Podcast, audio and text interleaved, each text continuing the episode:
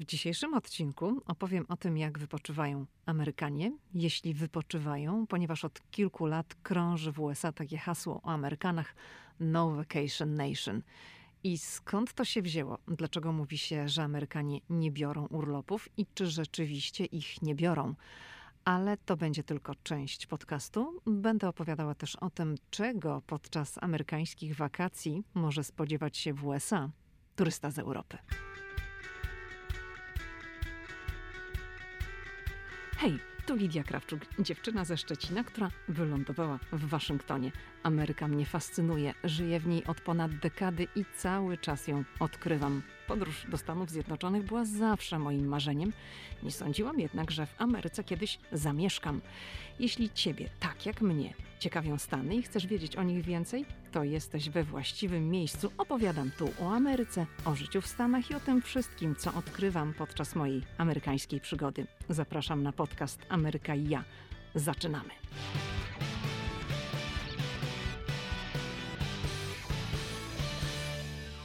Dzień dobry, hello. Zanim przystąpię do mówienia na temat dzisiejszego tematu, to chciałabym jeszcze nawiązać bardzo krótko do tego, co się wydarzyło w poprzednim odcinku, bo to był odcinek, który nagrałam wspólnie z moim mężem Pawłem.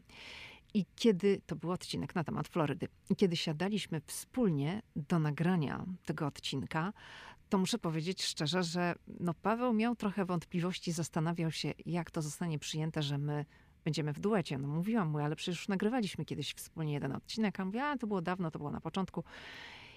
I no mówił, a może to nie jest dobry pomysł, żebym ja pojawił się w twoim podcaście, może wcale nie, nie trzeba tego robić. Mm, no nie musiałam go jakoś tam specjalnie długo przekonywać, ale miał tam jakieś wątpliwości. Poszły konie po betonie, czyli nagraliśmy odcinek i muszę powiedzieć, że dostałam od was naprawdę dużo bardzo fajnych wiadomości, miłych wiadomości, że podobał się Wam nasz duet. No i bardzo mnie to cieszy. Także dziękujemy za, za te wszystkie miłe słowa i bardzo nam miło i cieszymy się, że Wam, odbiorcom podcastu, się podobało. Dziś będziemy wprowadzać się trochę w taki wakacyjny klimat. Amerykanie wraz z Memorial Weekend, o którym mówiłam dwa odcinki wcześniej rozpoczęli sezon urlopowy. Mówiłam wtedy o tym, że Memorial Weekend. Memorial Weekend jest wtedy, kiedy mamy ostatni poniedziałek maja. To ma związek z, ze świętem Memorial Day. Wtedy tutaj przynajmniej w tej części Ameryki to jest takie nieoficjalne rozpoczęcie lata. No i rozpoczyna się sezon urlopowy. I Amerykanie rozpoczęli sezon urlopowy, ale Amerykanie to pracusie, albo jak kto woli, to pracocholicy. W Stanach Zjednoczonych mówi się tak, że Amerykanie to no vacation nation. I zapewne być może nasuwa się tutaj tobie od razu taka myśl, ale jak to? Mm, dlaczego Amerykanie nie robią sobie wakacji, nie biorą urlopów? No dlaczego? Jak? Skąd? Po pierwsze, pracodawca w USA nie ma obowiązku zapewnienia pracownikowi płatnego urlopu.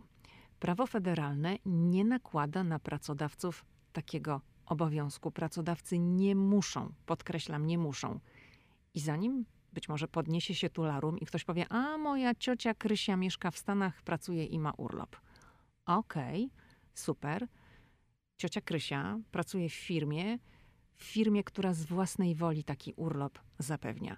Ale tak jak powiedziałam kilka chwil wcześniej, pracodawca w Stanach Zjednoczonych nie jest zobligowany do udzielenia takiego urlopu prawem, tak jak to jest na przykład w krajach Unii Europejskiej, tak? tak jak to jest w Polsce, że pracodawca jest zobligowany do udzielenia urlopu. Płatny urlop w Stanach Zjednoczonych to jest benefit. Tak jak takim benefitem bywa też często kartą przetargową ubezpieczenie zdrowotne, o tym też mówiłam wcześniej. Należy jednak też od razu w tym miejscu powiedzieć uczciwie, że w wielu firmach urlopy są, tylko ludzie z nich nie korzystają. Ja wiem, co sobie w tej chwili myślisz. Szok, tak? Ma urlop i nie idzie. O co chodzi? No, tak to tutaj wygląda, że część Amerykanów, spora część, nawet jeśli korzysta, to nie wykorzystuje wszystkich dni wolnych w ciągu roku, których zresztą i tak jest o wiele mniej niż w Polsce. Tak średnio długość urlopu w Stanach Zjednoczonych, mówimy o tym płatnym urlopie, jeżeli jest, to jest od 11 w porywach do 15 dni roboczych. I mówię, przypominam, że to jest średnia, tak? W jednej firmie może być mniej, w innej może być więcej. Są duże firmy, które oferują jeszcze większe urlopy, ale ja tutaj mówię o średniej. Amerykanie to są pracocholicy. To się wpisuje w kulturę tego kraju, że praca jest po prostu bardzo, bardzo ważna. I być może zaraz tutaj odezwie się jakaś kolejna osoba, powie, że no ja tutaj mieszkam i u mnie w firmie urlopy są i ludzie z tych urlopów korzystają. Okej, okay. ja nie mówię, że to nie jest prawda. Oczywiście, że tak, ale mówię o takim ogólnym trendzie w oparciu o raporty, które co roku są tutaj publikowane na oficjalnych stronach internetowych i można do nich zajrzeć i one są dostępne w sieci. Zresztą przez ponad dekadę spędzoną tutaj w Stanach, to ja co roku to widzę i słyszę ten temat w okresie wakacji.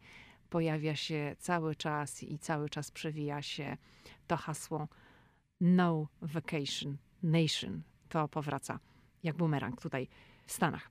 Mało tego, ludzie nawet, tak wynika z badań, jak biorą urlopy w Stanach, nie mówię, że wszyscy, ale, ale część ludzi ma wyrzuty sumienia.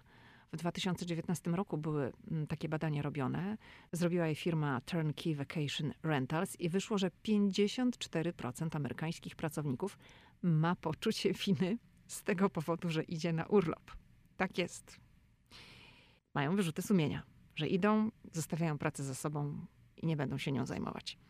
Ale jest też grupa osób, która w ogóle nie idzie na urlop, bo obawia się, że jak pójdzie, to zostanie to źle odczytane, albo kto inny dostanie awans, bo jak cię nie ma, to cię nie ma, to ciebie nie awansują. Awansują kogoś innego. Takie jest myślenie niektórych Amerykanów. I o tym nie mówię tylko z tego, że gdzieś tam przeczytałam, był taki moment, że to tak rozmawiałam sobie z różnymi osobami tutaj w Stanach, z Amerykanami. I rzeczywiście przewijał się taki wątek, no, że to jest zawsze takie ryzyko, że jak ja pójdę, to kto inny wskoczy na to wyższe stanowisko, które ja bym chciała mieć, na przykład, tak? Ogólnie to można powiedzieć, że Amerykanie są mistrzami w mikrowakacjach, czyli takich wyjazdach, które są krótkie i które nie wiążą się z więcej niż czterema noclegami. I tak wynika z raportu Alliance Global Assistance. Wspominałam w poprzednich odcinkach o tym, że często święta federalne, które są dniami wolnymi od pracy, bo przypadają na przykład w poniedziałek lub piątek, i wtedy z weekendem robią się trzy dni, a jeśli dorzuci się do tego dwa dni urlopu, no to już jest pięć i dla wielu Amerykanów to już są wakacje, tak, pięciodniowe. Tak więc Amerykanie, tak jak miałabym na takim ogólnym poziomie opowiedzieć, to preferują raczej krótsze wyjazdy. Często są to wyjazdy w obrębie Stanów Zjednoczonych. Natomiast najpopularniejszym kierunkiem, tak wynika ze statystyk, kierunkiem zagranicznym jest Meksyk. No i oczywiście ekonomia i finanse mają tutaj duże znaczenie, bo do Meksyku jest po prostu o wiele taniej polecieć ze Stanów Zjednoczonych niż do Europy. No i Amerykanie tutaj podróżują rzecz jasna jeszcze na Karaiby, no bo to też nie jest dla nich zbyt daleko. W samych Stanach Zjednoczonych popularne są Kalifornia, Floryda, Nowy Jork oczywiście, no i oczywiście Las Vegas i rzecz jasna parki narodowe. Parki narodowe, no to wiadomo, ale równocześnie muszę tutaj zaznaczyć, że te destynacje, które wymieniłam, są również bardzo licznie odwiedzane przez zagranicznych turystów i jestem przekonana, że część słuchaczy, y, ta, która odwiedziła Stany Zjednoczone, właśnie w tych kierunkach się wybierała, tak? czyli Kalifornia, Floryda, Nowy Jork, Las Vegas, no i parki narodowe. Dziś opowiem trochę w podcaście o tym, jak Amerykanie spędzają wakacje, ale będę też mówiła o tym, czego może spodziewać się w USA turysta z Europy odwiedzający Stany Zjednoczone.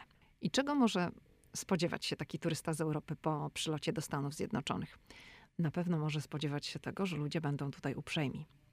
I to jest jedna zasadnicza rzecz, która na pewno zwraca uwagę po przylocie do Stanów, uprzejmość. Ma to rzecz jasna związek z amerykańską mentalnością. Na temat mentalności jest podcast cały, to jest odcinek numer 32, więc jeżeli ktoś nie słuchał, a go to interesuje, to zachęcam i odsyłam do odcinka numer 32. Jedno jest pewne, jak się tutaj przyleci, na pewno będzie miło i sympatycznie. Po drugie, to, co może zaskoczyć, to zaskoczyć może standard w hotelach i motelach. Standard, według mnie, niższy niż by można było się spodziewać. Tu oczywiście w grę wchodzi cena, ale z hotelami, motelami w Stanach bywa tak jak no trochę z centrami handlowymi. O tym mówiłam bardzo niedawno w podcaście. Był podcast na temat centrów handlowych i wspominałam, że centra handlowe to są często stare obiekty, które są remontowane, które są odnawiane, no ale wiadomo, że teraz te nowe, nowoczesne centra handlowe buduje się już zupełnie inaczej i podobnie jest z hotelami i motelami w Stanach Zjednoczonych. Jest dużo takich, powiedziałabym, no już e, obiektów nadszarpniętych zębem czasu, które oczywiście też są remontowane, no ale to już widać, że to nie są nowoczesne hotele i przy noclegach po kilkadziesiąt dolarów za dobę nie należy nastawiać się na wielki szał. Tak bym to powiedziała, tak? Jak się płaci kilkadziesiąt dolarów za nocleg w Stanach, no to, to nie będzie to coś super. No i te tańsze noclegi będą raczej w, w starszych obiektach. I tu może tak odniosę się do takiego mm, porównania. Jeżeli zapłacisz w Warszawie równowartość 80 dolarów za nocleg, przy obecnym kursie dolara, no to będzie tam powyżej 300 zł w tej chwili, to w Warszawie za taką cenę można już dostać przyzwoity standard, tak? W, w samym centrum Warszawy. Ja podaję taki przykład, bo w ubiegłym roku nocowałam w centrum Warszawy, w hotelu i muszę powiedzieć, że to, co mnie uderzyło, to od razu sobie tak pomyślałam, matko, jakby taki Amerykanin przyjechał tutaj do Polski i wydałby na ten nocleg, no tak w granicach 80 dolarów, no to dla niego to by było super.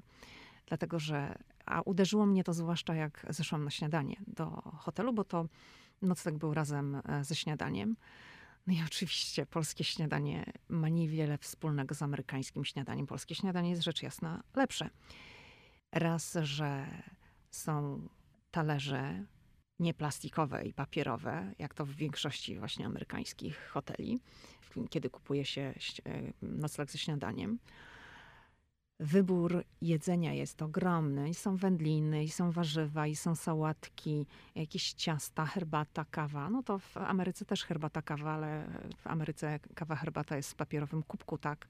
I do mieszania jest jakiś tam patyczek czy słomka, a nie łyżeczka. Normalna łyżeczka, tak jak to było w Polsce. I no to była bardzo duża różnica, jak sobie porównywałam, jak to wygląda w amerykańskim hotelu, a jak to wygląda w polskim hotelu. No ten standard, jakbyśmy porównali tę sumę pieniędzy, jaką mamy wydać, tak, czyli 80 dolarów w Stanach za nocleg i tutaj 300 zł w przeliczeniu, tam ponad 300 zł w przeliczeniu na złotówki, no to, no to jest y, nieba ziemia. Ja wiem, że ktoś może powiedzieć, ale to nie możesz tak y, przeliczać i tak porównywać. Ja to robię dlatego, że 300 zł za nocleg w Polsce, to wydaje mi się, że to wcale nie jest jakoś tam mało. A 300 zł, jak się przeliczy na noc, za jeden nocleg w Stanach Zjednoczonych, no to nie można spodziewać się, że jeżeli wydamy przeliczeniu na złotówki 300 zł za nocleg w Stanach Zjednoczonych, to będzie coś, to będzie coś super. Do czego tak naprawdę zmierzam? No właśnie do tego, że przylatując do Stanów Zjednoczonych, to noclegi po przeliczeniu będą kosztowne i to właśnie wyda się gdzieś tam około 100 dolarów mniej niż 100 dolarów za noc, ale ten standard nie będzie jakiś powalający. I o tym po prostu trzeba pamiętać, trzeba się na to nastawić, że tak to będzie wyglądać.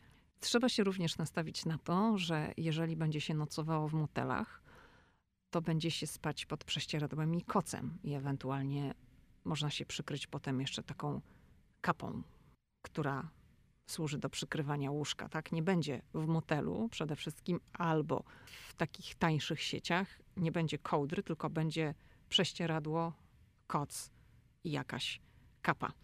Także o tym też należy pamiętać. My spaliśmy z Pawłem tutaj w naprawdę różnych miejscach w Stanach przez ponad dekadę, w wielu i w przydrożnych motelach, w których niektórych, o matko, to aż szkoda gadać. Naprawdę, no standard był pożal się Boże, bo był to gdzieś tam nocleg. Mieliśmy zaplanowaną podróż, długą podróż samochodem i nie robiliśmy żadnych rezerwacji, po prostu zatrzymywaliśmy się i nocowaliśmy, co było po drodze i czasem było, co było. A już nie chciało nam się na przykład szukać czegoś innego. Ale na przykład były też takie e, momenty, kiedy udawało nam się rezerwować w promocji noclegi na Manhattanie w rzeczywiście fajnych hotelach o dobrym standardzie za rozsądne pieniądze.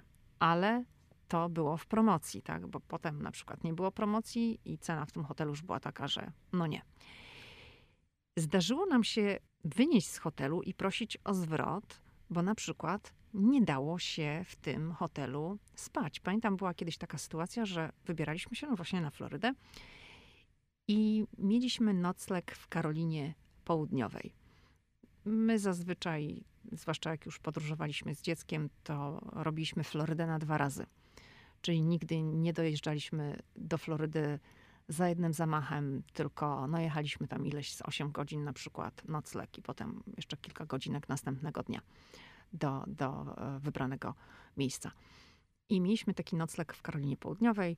Gdzieś tam po drodze, bez rezerwacji, po prostu zatrzymaliśmy się w motelu i, i kupiliśmy nocleg. Weszliśmy do pokoju, mm, zaczęliśmy się tam rozkładać. I w pewnym momencie okazało się, że tam jest straszny hałas. I ja pomijam, że w pokojach w Ameryce hałas może być od klimatyzatorów, zwłaszcza właśnie jak to są starsze obiekty, to te klimatyzatory po prostu wyją, klekoczą. I no to jest czasami jazda bez trzymanki, jak to się wszystko telepie, drży. No hałas jest nie do zniesienia. Bywają takie mm, hotele i bywają takie klimatyzatory bardzo stare, ale tu akurat to nie był hałas od klimatyzatora. Okazało się, że na parkingu obok stały wielkie ciężarówki chłodnie. I no ja mówię, no ale jak my będziemy spać? Przecież to ten huk był taki, że to w ogóle się nie dało. No i poszliśmy do, do recepcji. Niechętnie, ale jakby no pozwolono nam, żeby zrezygnować z tego pokoju. I przejechaliśmy dosłownie tam, nie wiem, dwa kilometry dalej. I był jakiś inny motel, gdzie no nie było takiej sytuacji, że obok na parkingu stały wielkie ciężarówki i, i to hałasowało od tych chłodni. Także zdarzyło nam się i coś takiego. Ale tak, dla równowagi, w nawiązaniu do standardu, powiem za to, że w Stanach Zjednoczonych wszystko jest bardzo fajnie zorganizowane. Z myślą o turystach, naprawdę. Ta organizacja, porządek są po prostu widoczne i to jest widoczne na każdym kroku. I to jest oczywiście wielki plus, kiedy przylatuje się tutaj do Stanów Zjednoczonych na wakacje. To bardzo ułatwia zwiedzanie. Jasne, że czasem trzeba odstać swoje w kolejkach, bo na przykład jeżeli mm, kupujesz sobie bilet na taras widokowy gdzieś w Nowym Jorku i to jest bilet kupowany w wysokim sezonie turystycznym, to oczywiście, że będzie kolejka. Nie ma zmiłuj się. Ale chcę podkreślić, że równocześnie to wszystko jest bardzo dobrze zorganizowane. Nie ma chaosu. No i też oczywiście tutaj ludzie się nie pchają. No, jeżeli to będzie jakiś zagraniczny turysta spoza Stanów Zjednoczonych, to różnie może być, no ale Amerykanie mają jednak w sobie coś takiego, że podporządkowują się zasadom. Jak trzeba stać, to trzeba stać, nie pchać się. Szanuje się cudzą przestrzeń. To o tym zresztą mówiłam też w którymś z odcinków. To był ten odcinek dotyczący mm, mentalności. I sama ścieżka związana ze zwiedzaniem tutaj w Stanach Zjednoczonych jest zorganizowana zawsze tak, żeby turystom ułatwiać życie, a nie utrudniać. I to jest bardzo ważne. I chcę tutaj właśnie bardzo mocno to zaakcentować, mocno to podkreślić, że Stany Zjednoczone są krajem, który zwiedza się bardzo, bardzo dobrze. Jasne, że należy nastawić się na kontrolę bezpieczeństwa, no ale myślę, że to wszędzie tak jest że do wszelkich atrakcji turystycznych w Stanach Zjednoczonych te kontrole bezpieczeństwa będą, że to jest norma. Jest ich dużo, ale w takim świecie żyjemy. Hello. Nic na to nie poradzimy. Jak chcemy zwiedzać, musimy się temu podporządkować. I przy okazji chcę powiedzieć, że planuję podcast taki, w którym opowiem, czy Stany Zjednoczone to bezpieczny kraj, czy należy się czegoś obawiać, planując podróż do Stanów Zjednoczonych. I jeśli ty zastanawiasz się, czy tobie będzie dobrze zwiedzać się Amerykę, bo to będzie, załóżmy, twoja pierwsza podróż do USA, to ja ci mówię, że będzie ci się zwiedzać bardzo dobrze. Bo to jest tutaj wszystko naprawdę przygotowywane pod kątem turystów. I od razu muszę też zastrzec, że nie ma tutaj ulotek po polsku. Nie ma tutaj wersji audio też przy zwiedzaniu. No można sobie na przykład wypożyczyć sprzęt i założyć słuchawki i, i, słuchać, jak lektor opowiada, ale nie ma polskich wersji językowych. Są często ulotki, są wersje audio do zwiedzania, są po niemiecku, po francusku, po włosku, po hiszpańsku, po rosyjsku, ale po polsku nie ma. Chociaż pamiętam, zdarzyło mi się na przykład, jak e, zwiedzaliśmy telewizję CNN w Atlancie, ja nie wiem, czy jeszcze są takie wycieczki, bo to było parę ładnych lat temu, ale kiedyś wybraliśmy się właśnie do Atlanty w Georgii i zwiedzaliśmy CNN. I pamiętam, że dostaliśmy takie ulotki po polsku na temat CNN-u. To tam była polska wersja językowa, no ale oczywiście to była wycieczka z przewodnikiem i ten przewodnik mówił po angielsku. Także reasumując tutaj ten wątek, tak, zwiedzanie Stanach Zjednoczonych jest bardzo przyjazne turystom i tu się robi właśnie wszystko pod turystów, żeby tym turystom dobrze się Amerykę zwiedzało. I jeszcze od razu mi się przypomniało, bo chciałabym wrócić do hoteli i moteli. Myślę, że warto, żebym zatrzymała się jeszcze na chwilę przy amerykańskim śniadaniu. Zwłaszcza, że pamiętam, że gdy w tamtym roku jak byliśmy gdzieś tam w podróży z Pawłem i na Instagramie pokazywałam, czego można spodziewać się, jak się zejdzie w hotelu w Ameryce na śniadaniu amerykańskim. I było wtedy bardzo dużo właśnie wiadomości, no zwłaszcza od osób, które nigdy nie były w Stanach wcześniej i miały inne wyobrażenia na temat tego, co można zjeść w Ameryce na śniadanie. Już tak jak powiedziałam wcześniej, że to są zazwyczaj papierowe talerze albo plastikowe i oczywiście plastikowe sztućce i wszystko jest jednorazowe, kubki i tak dalej.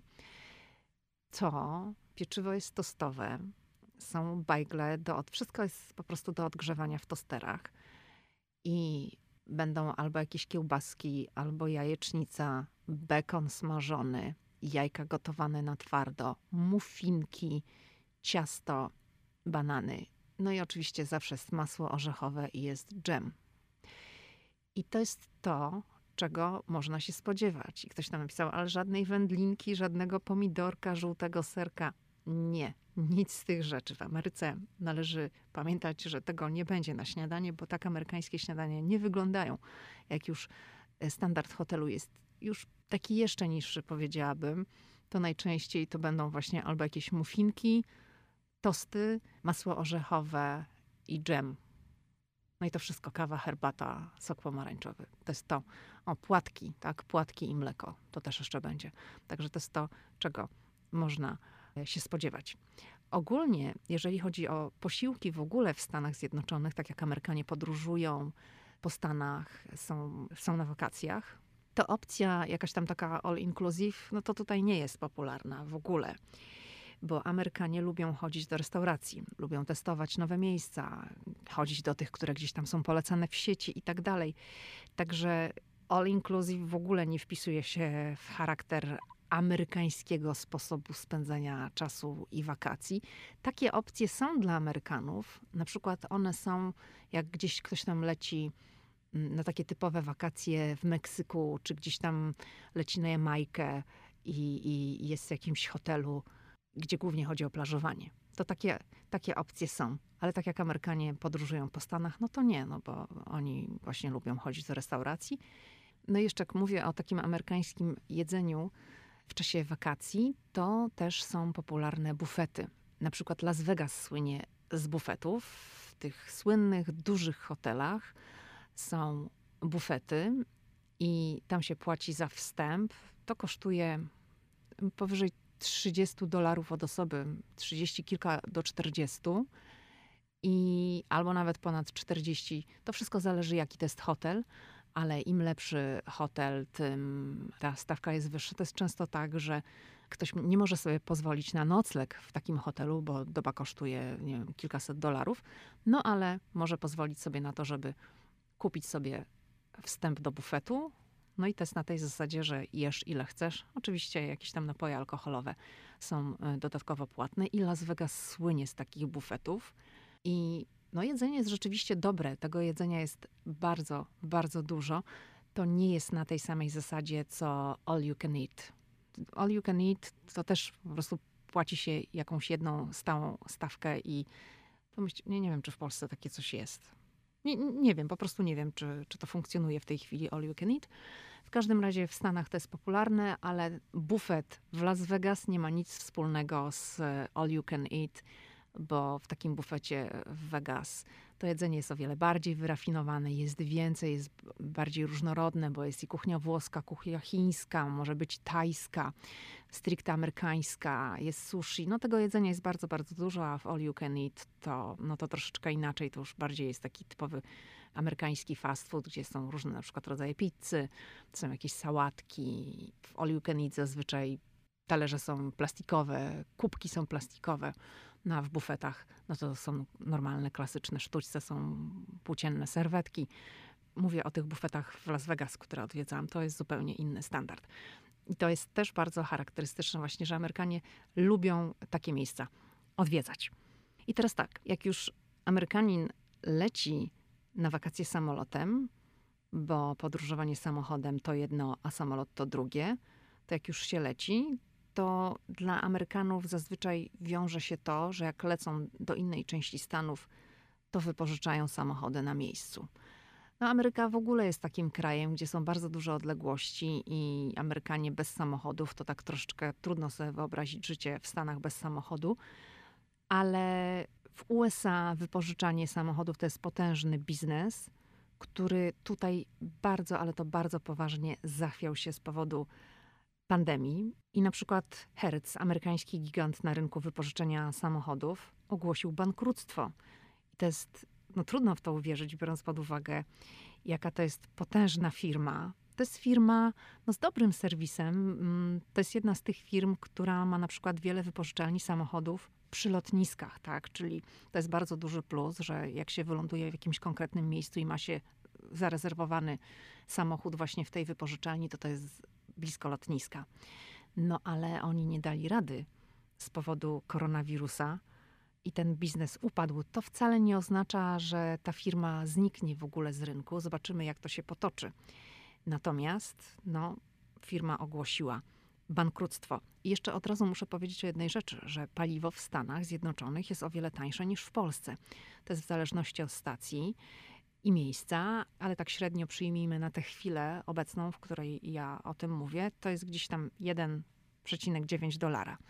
Podkreślam średnio, tak, bo zależy od regionu, od lokalizacji, bo są miejsca, że i za 1,6 dolara można zatankować. No na Hawajach, które ogólnie są bardzo drogie, to będzie ponad 3 dolary. I, I, muszę powiedzieć, że to jest za galon. Tak? Pamiętajmy, że w Stanach paliwo podawane jest w galonach, a jeden galon to jest 3,7 litra, prawie 4 litry. Także paliwo w Stanach Zjednoczonych jest tańsze niż w Polsce i nawet jak dolar teraz stoi wysoko, a stoi, no to i tak w Stanach wychodzi taniej. I to oczywiście przekłada się na to, że podróżowanie samochodem, zwłaszcza w przypadku rodzin wielodzietnych, no jest w Stanach o wiele bardziej opłacalne.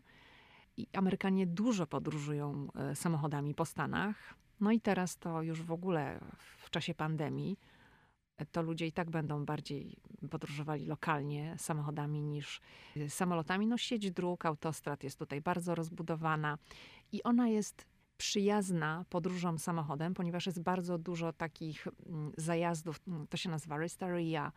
Są oczywiście też takie zajazdy, gdzie to są całe kompleksy, gdzie można na przykład coś zjeść. No jest toaleta, no to wiadomo, ale chodzi o to, że jest kilka opcji, jeżeli chodzi o jedzenie. To jest rzecz jasna amerykański. Fast food nie należy się spodziewać Bóg wie czego. No, gdzieś tam jakaś sałateczka też, no jest Starbucks, kawa i tak dalej.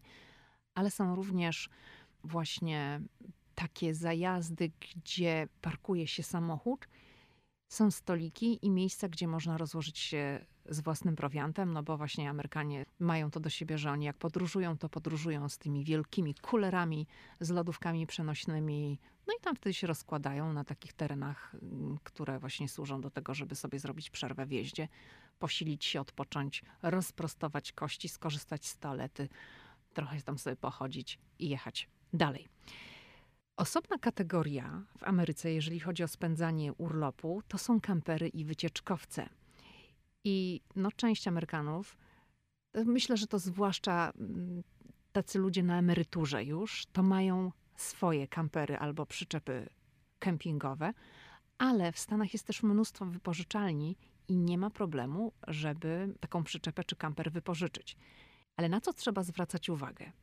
Trzeba zwracać uwagę na to, ile można przejechać dziennie mil, jak się wypożycza. To jest bardzo ważne. Trzeba czytać, w jaki sposób taka oferta jest skonstruowana, bo bywa tak, że jest na przykład określone, ile dziennie można przejechać mil. Tak? Odległość w Stanach mierzy się w milach, nie kilometrach. I na przykład są takie oferty, widziałam takie oferty, że dziennie można przejechać tylko 100 mil. 100 mil, czyli 160 kilometrów albo 200 mil dziennie. Czyli trzeba sobie po prostu trasę zaplanować w ten sposób, że jeździ się od punktu do punktu. I to nie znaczy, że nie można przejechać więcej. Można, ale potem za każdą dodatkową milę powyżej tego, co jest zapisane w tej umowie, w kontrakcie, doliczana jest dodatkowa opłata do tej dziennej stawki za wypożyczenie e, kampera. Są oczywiście też oferty, gdzie nie ma żadnych limitów, dlatego mówię o tym, że należy czytać oferty, co jest dokładnie napisane. I kampery, czyli domy na kółkach, to nie jest w sumie jakaś tania opcja. To jest ponad 200 dolarów za dobę. Tak przed nagraniem podcastu zajrzałam z ciekawości do internetu, żeby zobaczyć, jakie są stawki. Właśnie takie stawki mi się wyświetliły, że to jest ponad 200 dolarów za dobę. I mówię, podkreślam o kamperach, nie mówię o przyczepach. I należy też pamiętać o tym, że do tego zawsze w Stanach dochodzi podatek. Więc jeżeli to jest podróż, która trwa kilkanaście dni, to dojdzie kilkaset dodatkowych dolarów. Są do tego opłaty za parkowanie kampera gdzieś tam na polu kempingowym. Dochodzi do tego ubezpieczenie e, za dodatkowe korzystanie z prądu, bo jest tam jakiś limit dzienny, ileś godzin. Także mówię o tym wszystkim, żeby ktoś sobie nie pomyślał, że a 200 dolarów to nie jest tak źle. To biorę, tak? Bo do tego dochodzą jeszcze dodatkowe opłaty. No i jest jeszcze jedna taka bardzo charakterystyczna rzecz w Ameryce, w jaki sposób Amerykanie spędzają swoje urlopy. Jeszcze jedna kategoria to są wycieczkowce. I wycieczkowce powiedziałabym, że one są popularne y, bardzo wśród starszych osób będących na emeryturze.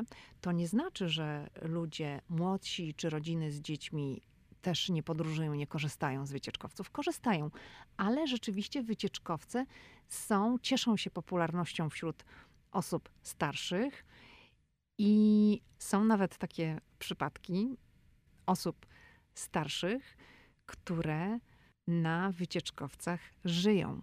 I tutaj jest zwłaszcza jedna taka pani, taka Amerykanka. Ona nazywa się, tak w internecie mówią o niej Mama Lee. Ona ma już tam dziewięćdziesiątkę przekroczyła. Od razu muszę powiedzieć, że jest bogata, zamożna, jest wdową. Ona przez dużą część swego życia pływała na wycieczkowcach razem ze swoim mężem. Oni uwielbiali w ten sposób spędzać czas. No, na kilkudziesięciu takich y, rejsach byli w swoim życiu. I ona, ta pani, od ponad dekady żyje na luksusowym wycieczkowcu. Nie wiem, co ona robi teraz, bo jak jest pandemia, to tam chyba nikt na wycieczkowcu nie żyje, ale ona przez ponad dekadę po prostu to był jej adres, to był jej dom, ona tam żyła. I to media w USA, pamiętam, sprawdzałam, podawały, że rocznie kosztowało ją to ponad 160 tysięcy dolarów. Takie życie na wycieczkowcu. I ona w różnych wywiadach, bo tych wywiadów w Ameryce udzieliła dużo, napisała nawet książkę i ta książka do tej pory jest dostępna na Amazonie. Ja nie czytałam tej książki, tylko po prostu wiem, że jest. W każdym razie, jak oglądałam jakieś wywiady z nią, czy czytałam, to ona sobie bardzo to chwaliła. No bo raz, że ma serwis zapewnione i obsługę non-stop, nie musi się niczym mm, przejmować. Wycieczkowce też są różne, są lepszej klasy i gorszej. Ona jest na takim lepszym, określanym mianem luksusowego. No i dla niej najważniejsze było to, że ona co wieczór mogła wyjść na parkiet i tańczyć, ponieważ bardzo lubi tańczyć. Więc zawsze tam ktoś z załogi był gotowy, żeby z nią tańczyć. No i ona sobie tam żyła w tym ponad dekadę, tak?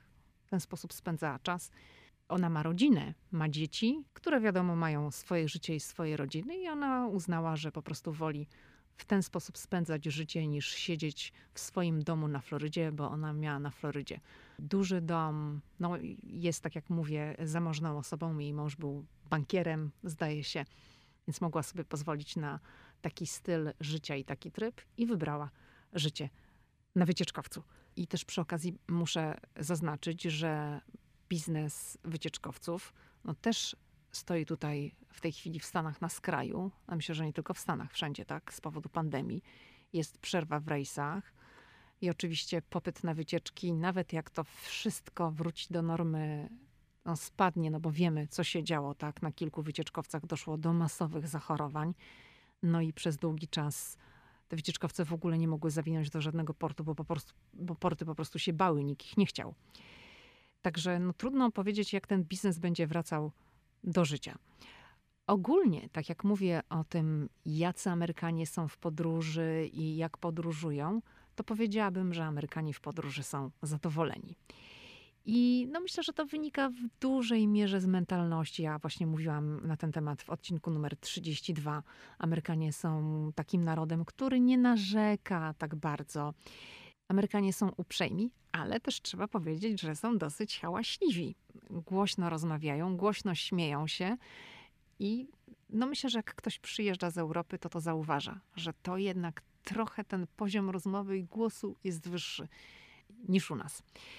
I jeszcze tak jak mm, tutaj mówię o spędzaniu wolnego czasu przez Amerykanów, o takim urlopie, no to Amerykanie bardzo lubią też jeszcze jedną rzecz, to jest barbecue. Tak, uwielbiają grillować. No i co grillują? Steki rzecz jasna, tak. No steki to jest podstawa w Ameryce. Amerykanie kochają steki. I to wiadomo, żeberka, tak, lubią grillować żeberka. No i jeszcze kukurydzę. Kukurydza jest w Stanach bardzo popularna i Amerykanie kochają kukurydzę.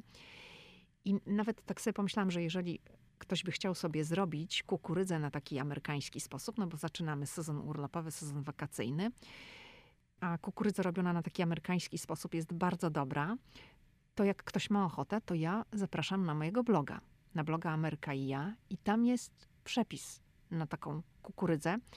Wystarczy, jak się wejdzie na bloga Ameryka i ja, wpisać w lubkę na blogu. Po prawej stronie jest taka lubka, tak? czyli takie to kółeczko. Jak się wpisze hasło kukurydza, no to wyświetli się przepis, który nazywa się grillowana kukurydza po amerykańsku. Polecam, bo ta kukurydza robiona w ten sposób jest naprawdę pyszna.